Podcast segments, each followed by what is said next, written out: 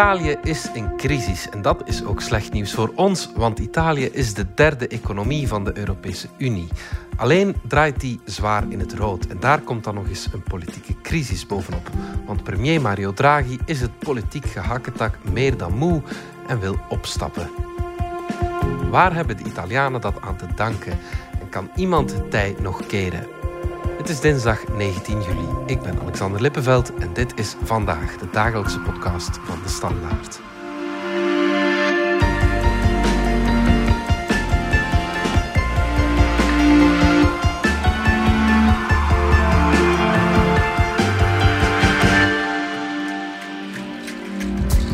Ine Rooks, onze correspondente in Rome.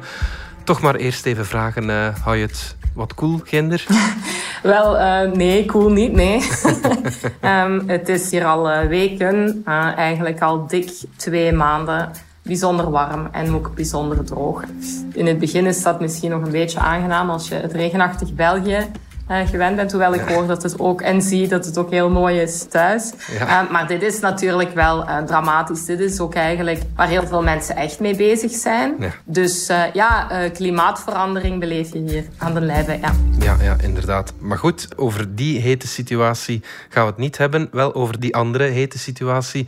De politiek, namelijk, zo zou je het wel kunnen beschrijven, denk ik. Hè? Ja, alsof het nog niet heet genoeg was, zeggen ze hier dan komt er ook nog een uh, zeer hete regeringscrisis uh, op ons af. Ja. Oké, okay, vertel. Wat is er uh, gebeurd? Wel, Mario Draghi, zowat het baken van stabiliteit, niet alleen voor Italië, maar voor heel Europa, mm. is afgelopen donderdagavond naar de president gegaan, naar het staatshoofd, naar Sergio Mattarella, om te zeggen, ik stop ermee. Ik uh, kap ermee, ik leid niet langer een regering van nationale eenheid, duidelijk. Uh, er is een vertrouwensbreuk wat mij betreft. En uh, hij had eerder al zich laten ontvallen tegen Antonio Tajani, een Europees parlementslid, dat hij zijn buik ervan vol zou hebben, Alexander. Wel, hij heeft de daad bij het woord gevoegd en hij zegt, ik stop. Ja, wat is er dan juist gebeurd? Was er een concrete aanleiding? Hij leidt sinds februari vorig jaar een regering die aan de macht is gekomen. Draghi kwam aan de macht om het land uit de pandemie te leiden. E di esercitare le mie funzioni nell'interesse esclusivo della nazione.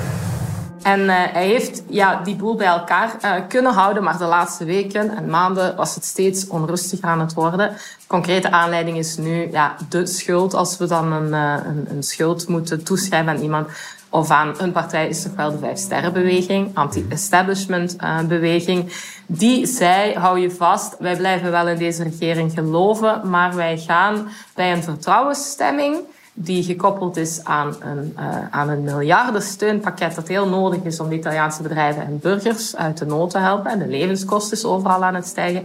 Daar gaan wij ons bij onthouden. Ja, dat zei de partijleider van de Vijfsterrenbeweging en voormalig premier Giuseppe Conte ma al momento del voto finale non abbiamo partecipato al voto. Domani al Senato non è possibile operare un voto disgiunto, quindi con le medesime lineari, coerenti motivazioni noi domani non parteciperemo al voto. Ja, dan zei Draghi, dan steun je niet meer het werk van deze regering. Dan ja. heb ik eigenlijk geen regering van nationale eenheid. Zij vonden dat dan eigenlijk weer niet. Niemand snapte daar nog goed de logica van. En dus ja, toen zei Draghi, uh, ook al is er dan formeel misschien met het aantal uh, parlementsleden die mij steunen in het parlement geen minderheid. Hè. Hij blijft uh, daar de flinke steun hebben. Dus als we beginnen te tellen, dan heeft hij meerderheid. Maar hij zegt, dit is een politiek feit waar ik niet aan voorbij kan gaan. Als er een belangrijke partij in het parlement zegt, wij stappen op bij een vertrouwensstemming gekoppeld aan een miljarden steunpakket dan kan je niet meer spreken van vertrouwen, dan kan je niet meer spreken van een regering van nationale eenheid. Velen geven hem daarbij gelijk. Uh, wat dan echt speelde was dat hij inderdaad ja, gewoon de laatste tijd er steeds meer de buik van vol begon te krijgen. Dat allerlei partijen, niet alleen de Vijfsterrenbeweging, maar bijvoorbeeld ook de Lega van uh, de ook in België wel bekende Matteo Salvini, mm -hmm. uh, ook, ja, ze begonnen gewoon steeds meer lijstjes te overhandigen aan premier Draghi met extra eisen die niet in het regeerakkoord staan en waar het land niet op is voorbereid. En uh, Draghi was het gewoon zat. Ja, ja, ja. meer dan, uh, dan begrijpelijk. Waarom doet die vijf sterrenbeweging dat nu? Er is een, uh, wil je de officiële reden of uh, wat eigenlijk de. Ik wil ze allebei, want ik weet dat de officiële reden ja, in mijn ogen een beetje belachelijk is. Dus, uh... Ja, vertel eens waarom. ja, het gaat om een afvalcentrale. Hè? Ja, klopt. En dan uh, zeg je dat net uh, tegen een uh, nieuwe inwoner van de stad Rome. -huh. um, zeer mooie stad, uh, een parel uh, van onze Europese beschaving, maar ook een zeer vuile stad. Uh, het is onvoorstelbaar vuil. de straten liggen er soms verschrikkelijk bij. In het noorden van Rome lopen er everzwijnen op straat, omdat die tijdens de pandemie eigenlijk ja, vrij spel hebben gekregen. Mensen zaten toch binnen en die beesten hadden zoiets van gratis eten. Wij gaan eens kijken bij al die vuilnisbakken.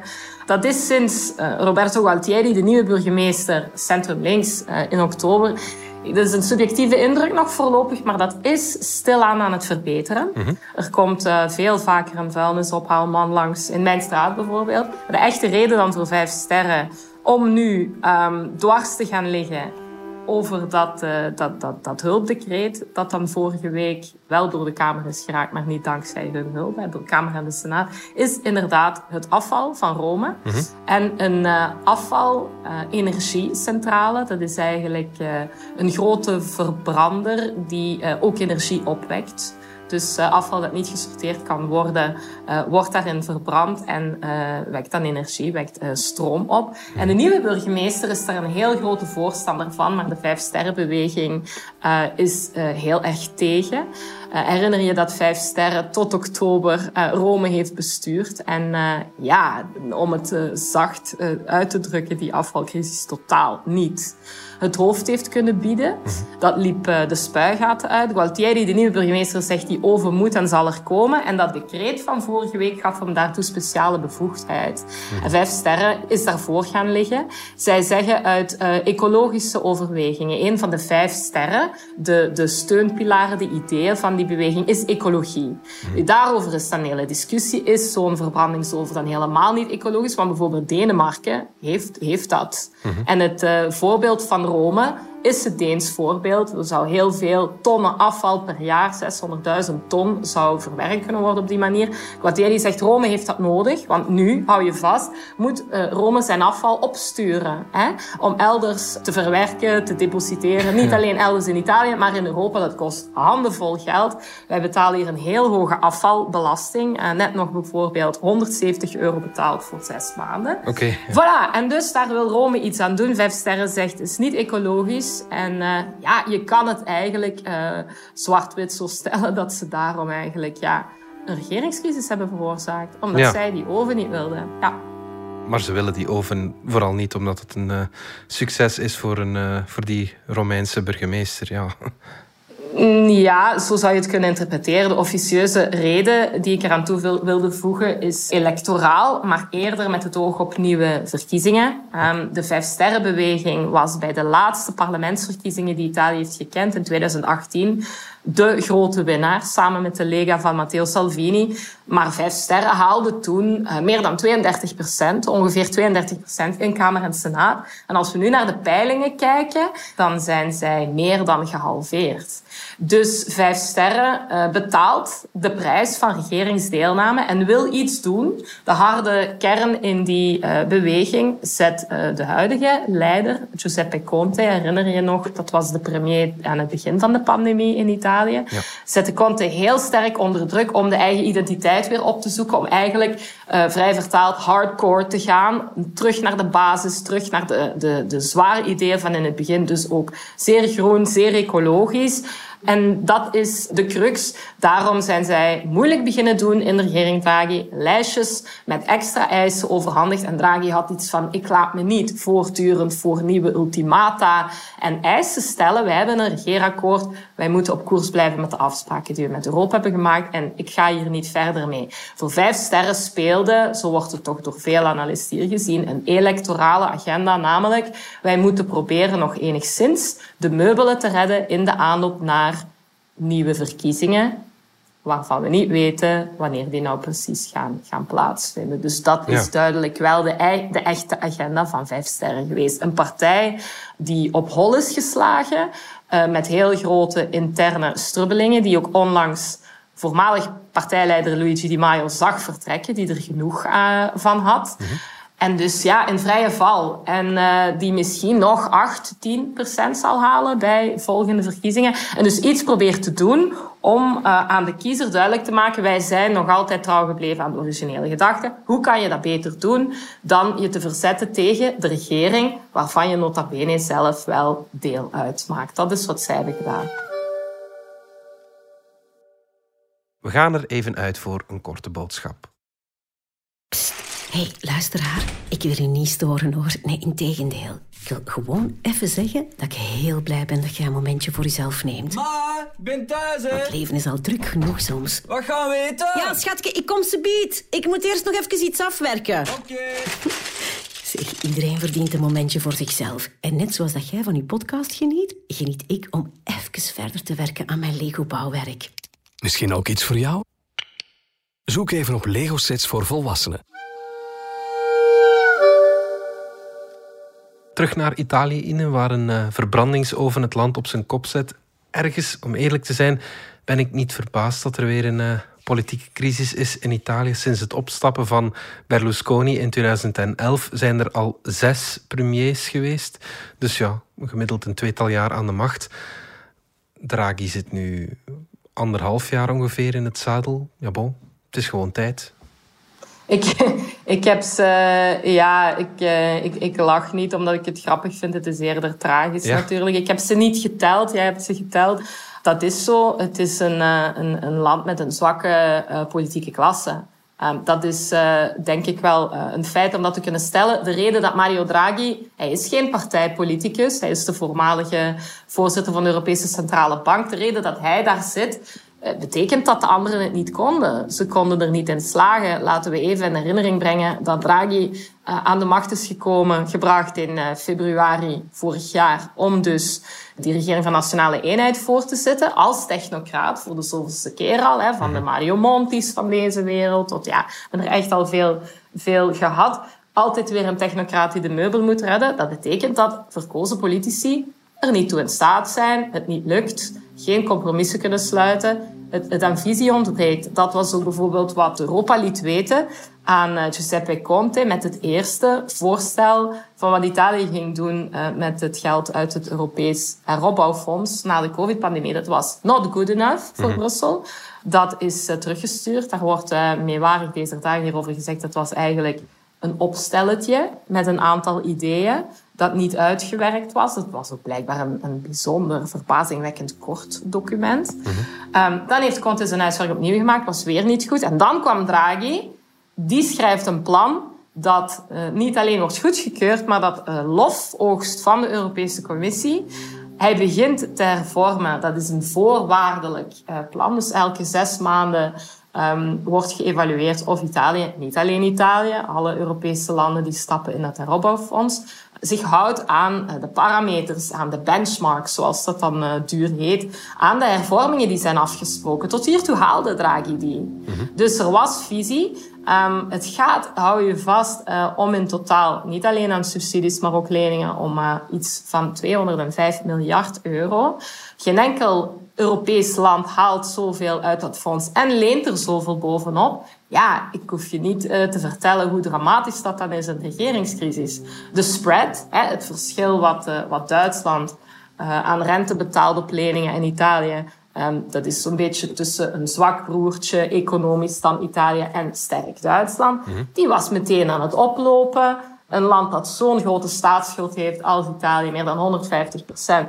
En nog extra is gaan lenen geld dat je leent. Ja, ik, uh, ik, ik denk dat iedereen dan weet ja, dat de banken en de markten dat op een bepaald moment ook terug gaan vragen. Ja ja, uh, een regering die, die valt uh, woensdag of die in lopende zaken gaat, kan geen doortastende beslissingen meer nemen. Dus dit is heel moeilijk voor Italië. En, en bij uitstek ook voor Europa, dat Italië moet zien slagen met dat Europees heropbouwfonds, wil dat een blijvend fonds worden. Dat is ook een groot experiment, politiek-financieel, voor de Europese Unie. Ja, ja. En wordt een partij die het land dan in zo'n diepe crisis stort, niet gewoon genadeloos afgestraft als er verkiezingen zouden komen? De Vijfsterrenbeweging is toch een uh, zeer opmerkelijk parcours aan het rijden. Um, je kan er heel negatief over doen. Daar zijn heel veel analisten ook al jaren negatief over. Uh, ik heb altijd uh, vanaf het begin heel even het voordeel van de twijfel willen geven, omdat je het ook een beetje contra-intuïtief anders kan bekijken. Italië is dan wel een land van veel opeenvolgende crisis, maar ook een heel groot sociaal en politiek laboratorium. Er komen ook um, heel veel nieuwe ideeën uit. Ik vind het altijd wel bijvoorbeeld onvoorstelbaar hoezeer jongeren zich hier engageren. De Vijfsterrenbeweging was ook een heel jonge beweging van mensen die uh, de traditionele politiek dan wel zat waren, maar die wel een sociaal en politiek engagement toonden. Ik vond niet dat dat allemaal zomaar uh, meewarig moest aan de kant worden geschoven als de populisten moeten hun mond houden. Dat was het volk. Alleen hebben zij in hun naïviteit gedacht wij trekken het parlement in, wij worden parlementslid en dan zetten wij dat wel naar ons hand. Ze kenden het politiek métier niet. Ze wisten niet dat politiek bedrijven ook compromissen sluiten is en samen met andere partijen aan voorstellen werken. Daar zijn ze nooit heel succesvol in gebleken. Die verbrandingsoven, ze gaan er dan om ideologisch, ecologische redenen voor liggen. Dat kan voor hen puur zijn, dat kan puur aanvoelen voor de basis, maar ze brengen wel het veel grotere goed Namelijk een regering die is aan het hervormen en die miljarden kan krijgen als ze hervormt van Europa in gevaar. Dus ze, ze, ze, ze, het ontbreekt hen soms compleet aan politiek realistisch inzicht.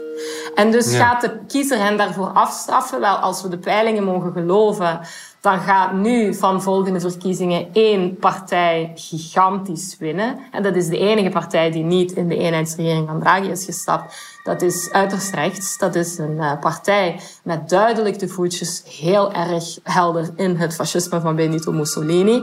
Dat is uh, de partij van Giorgia Meloni, die zelf zegt dat het uh, fascisme een uh, hoofdstuk uit het verleden is, maar nooit die ideologie afzweert. Uh, in het partijsymbool ook nog uh, de vlam heeft van het graf van Mussolini enzovoort. Het leidt weinig twijfel dat, dat een postfascistische en uiterst rechtse partij is. Vijf sterren, ja, Alexander, zijn meer dan gedecimeerd in de peilingen. Een harde kern die nu blijft geloven dat dit is wat ze moeten blijven doen en die puur wil blijven, blijft in dat project geloven. Maar heel veel mensen zijn zwaar ontgoocheld over uh, de grote politieke naïviteit van veel van die, die leden en politici. De Vijfsterrenbeweging heeft een rol gespeeld en was even een heel erg frisse wind uh, van engagement in het uh, partijlandschap. Helaas is dat experiment falikant afgelopen. Mm -hmm. Ik vind het heel opvallend dat een fascistische partij dat zo... Ja, dat die zoveel succes heeft. Een land als Italië dat toch een een trauma overhoudt aan die Tweede Wereldoorlog. In Duitsland is zoiets ja, toch net iets minder denkbaar. Hè? Uh, dat, dat, zou gebeuren. Ja. Dat is een heel goed punt. Um, ik, ik, herinner mij jaren geleden dat ik Benito Mussolini nog eens op een keukenschort heb zien staan aan het Gardameer. Ja. Ik was toen in shock in een souvenirwinkel. Ik spreek zo iemand daar dan op aan. Hij kent mij. Dat kan ik me wel voorstellen. Ja, voilà, dus uh, ik moet mijn shock dan ook even onder woorden brengen. Niet alleen was het een kop van uh, de Duce, maar daarboven stond Benito Mussolini, statista, staatsman. Uh, ik vertel die anekdote omdat ik er toen van schrok, maar die mij ook heel veel heeft duidelijk gemaakt. Italië heeft dat fascisme niet verwerkt. Mm -hmm. Jij zegt er is een trauma, zeker bij sommige mensen. Er is geen afrekening gekomen met het fascisme, zoals Duitsland wel heeft gehad met het nazisme. De fascistische beweging is geëvolueerd naar andere partijen die zichzelf postfascistisch of centrumrechts zijn uh, gaan noemen. Meloni is duidelijk nog iets helderder. Fratelli d'Italia, Broeders van Italië, is absoluut wel een post-fascistische partij. Ik heb me ook door een analiste onlangs laten vertellen dat ze heel goede banden heeft met de Republikeinse Partij in Amerika. Ik vraag veel mensen, is dit nu rechts, centrumrechts? Nee, dat zeker niet, maar uiterst rechts. Ja, de proof of the pudding zal, uh, zal in de eating zijn als zij aan de macht komt. Maar uh, ja, waar die origine ligt is helder. Um, dat hier Mussolini ook nog heel zichtbaar is in het straatbeeld, is ook helder. Er zijn hier nog fascistische symbolen. Dat verleden is, uh, is niet dood en begraven. En uh, dat kan heel snel weer zeer relevant blijken bij de volgende verkiezingen alvast. En nu, Ine, Draghi trekt deze week naar het parlement. Wat gaat er gebeuren, denk je? Wat gaat hij daar zeggen? Ja, klopt. Um, Woensdag is dus uh, de dag dat uh, Mario Draghi in het parlement wordt verwacht. Er zijn sinds zijn ontslag aanbod van afgelopen donderdag twee dingen gebeurd. Ten eerste is Mario Draghi onder enorme, onder extreme druk gezet om te blijven. Vanuit eigen land. Er is een petitie gekomen uh, waaraan heel veel burgers hebben deelgenomen. De ondernemers vragen hem te blijven. Een groep burgemeesters vraagt hem zijn verantwoordelijkheid te nemen, het land nu niet uh, achter te laten in uh, de handen van wie ook na vervroegde verkiezingen zal aan de macht mhm. komen. En dat heeft hem, we weten dat hij de laatste dagen rust en reflectie heeft ingelast tijdens een kort verblijf aan de kust. Dat heeft hem plezier gedaan. Tegelijkertijd weten we ook dat hij heeft opgemerkt de voorbije dagen dat hij geen fundamentele wijzigingen zag in de politieke situatie. Hmm. En dat voor hem dus er echt objectieve redenen waren om vragen te stellen bij de bestuurbaarheid van het land. En daarom zijn beslissing, die beslissing heeft hij niet lichtzinnig genomen. En ik geloof ook nog altijd niet dat dat een strategie zou zijn geweest. Ik denk hmm. niet dat uh, hij zo uh, machiavellistisch zou zijn om, om het zo op de spits te drijven. En dat de tactiek was, lijkt me sterk. Natuurlijk is die enorme druk een factor om rekening mee te houden en zou er een voorzichtige barst zijn gekomen in zijn vastberadenheid rondom zijn ontslag. Dat betekent niet dat we er al zijn en dat hij sowieso blijft. Een tweede feit is wel dat er met vijf sterren een en ander is aan het gebeuren. Die zien intussen wel meer dan vijf sterretjes. Ik weet niet hoeveel ze er zien. Maar uh, ja, uh, dat is niet meer de partij van 32 procent. Ja, uh, vormelijk wel, omdat dat hun laatste verkiezingsresultaat was. Maar er is intussen een scheurlijst met Luigi Di Maio, de oud-partijleider van Vijf hmm. Sterren. Die heeft Alexander het laatste weekend blijkbaar zijn voicemail en zijn inbox zien overlopen met berichtjes, met smeekbedes van leden van Vijf Sterren die naar hem willen komen die hij vooralsnog ja, blijkt te hebben geweigerd. Uh, wat is hier belangrijk aan? Als uh, Mario Draghi zegt, ik heb een regering van nationale eenheid nodig, waarin die vijf sterrenbeweging een belangrijke partner is, ja, als vijf sterren in gruzelementen uit elkaar valt uh, de voorbije dagen, ja, dan is het niet meer de grote regeringspartij. En dan kan het mogelijk zijn dat andere politici, andere partijen tegen Draghi zeggen, vijf sterren is niet meer Mm. Vijf sterren is nu iets anders. Het is de partij van Conte en we houden Conte uit de regering en we doen een doorstart. Dat is een nog altijd theoretische mogelijkheid die blijkbaar aan belang is aan het winnen. Maar uiteindelijk als uh, we opvangen dat Mario Draghi zijn toespraak voor het parlement nog eens aan het afronden en uh, zijn eigen slot uh, nog niet geschreven heeft, dan vrees ik dat het... Uh, ik ben naar een Italiaanse uitdrukking aan het zoeken voor... It ain't over till the fat lady sings. Uh, dat we toch ja. uiteindelijk pas echt van bescheid gaan weten woensdag in ja. het parlement. Dus het blijft hier spannend. Ja, absoluut. Goed, Ine Rooks, dankjewel. Graag gedaan. Dit was vandaag de dagelijkse podcast van de Standaard. Bedankt voor het luisteren. Volg ons op Spotify, Apple Podcast of eender welk ander podcastplatform. In onze gratis app DS Podcast kan je niet alleen ons werk beluisteren, maar ook de beste podcasttips terugvinden voor op vakantie of ergens onderweg. Met zorg geselecteerd door onze redacteur Max de Moor. Alle credits van de podcast die je net hoorde vind je op standaard.be-podcast. Reageren kan via podcast.standaard.be. Morgen zijn we opnieuw.